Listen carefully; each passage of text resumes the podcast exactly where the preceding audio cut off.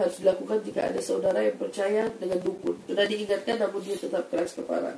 Bagaimana caranya? Pertama, kita jangan pernah patah semangat untuk terus mengingatkan bahwa dukun itu tidak pernah mendatangkan manfaat untuk kita.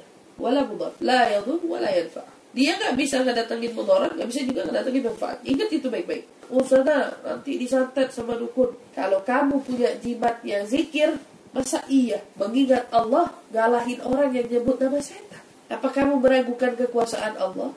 Ada orang begitu takut disantet. Dia takut disantet padahal dia punya jimatnya. Dia punya nama Allah. Dia punya zikirnya. Apalagi yang mendawamkan ratib contohnya. Atau yang mendawamkan zikir-zikir lainnya.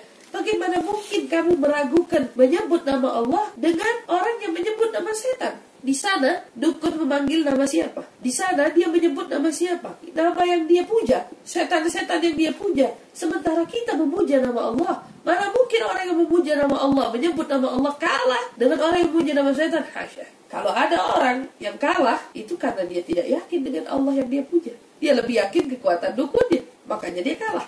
Makanya kalau kita berzikir, bermunajat kepada Allah, penuh keyakinan bahwa kita ini diselamatkan oleh Allah, ditolong oleh Allah, dijaga oleh Allah.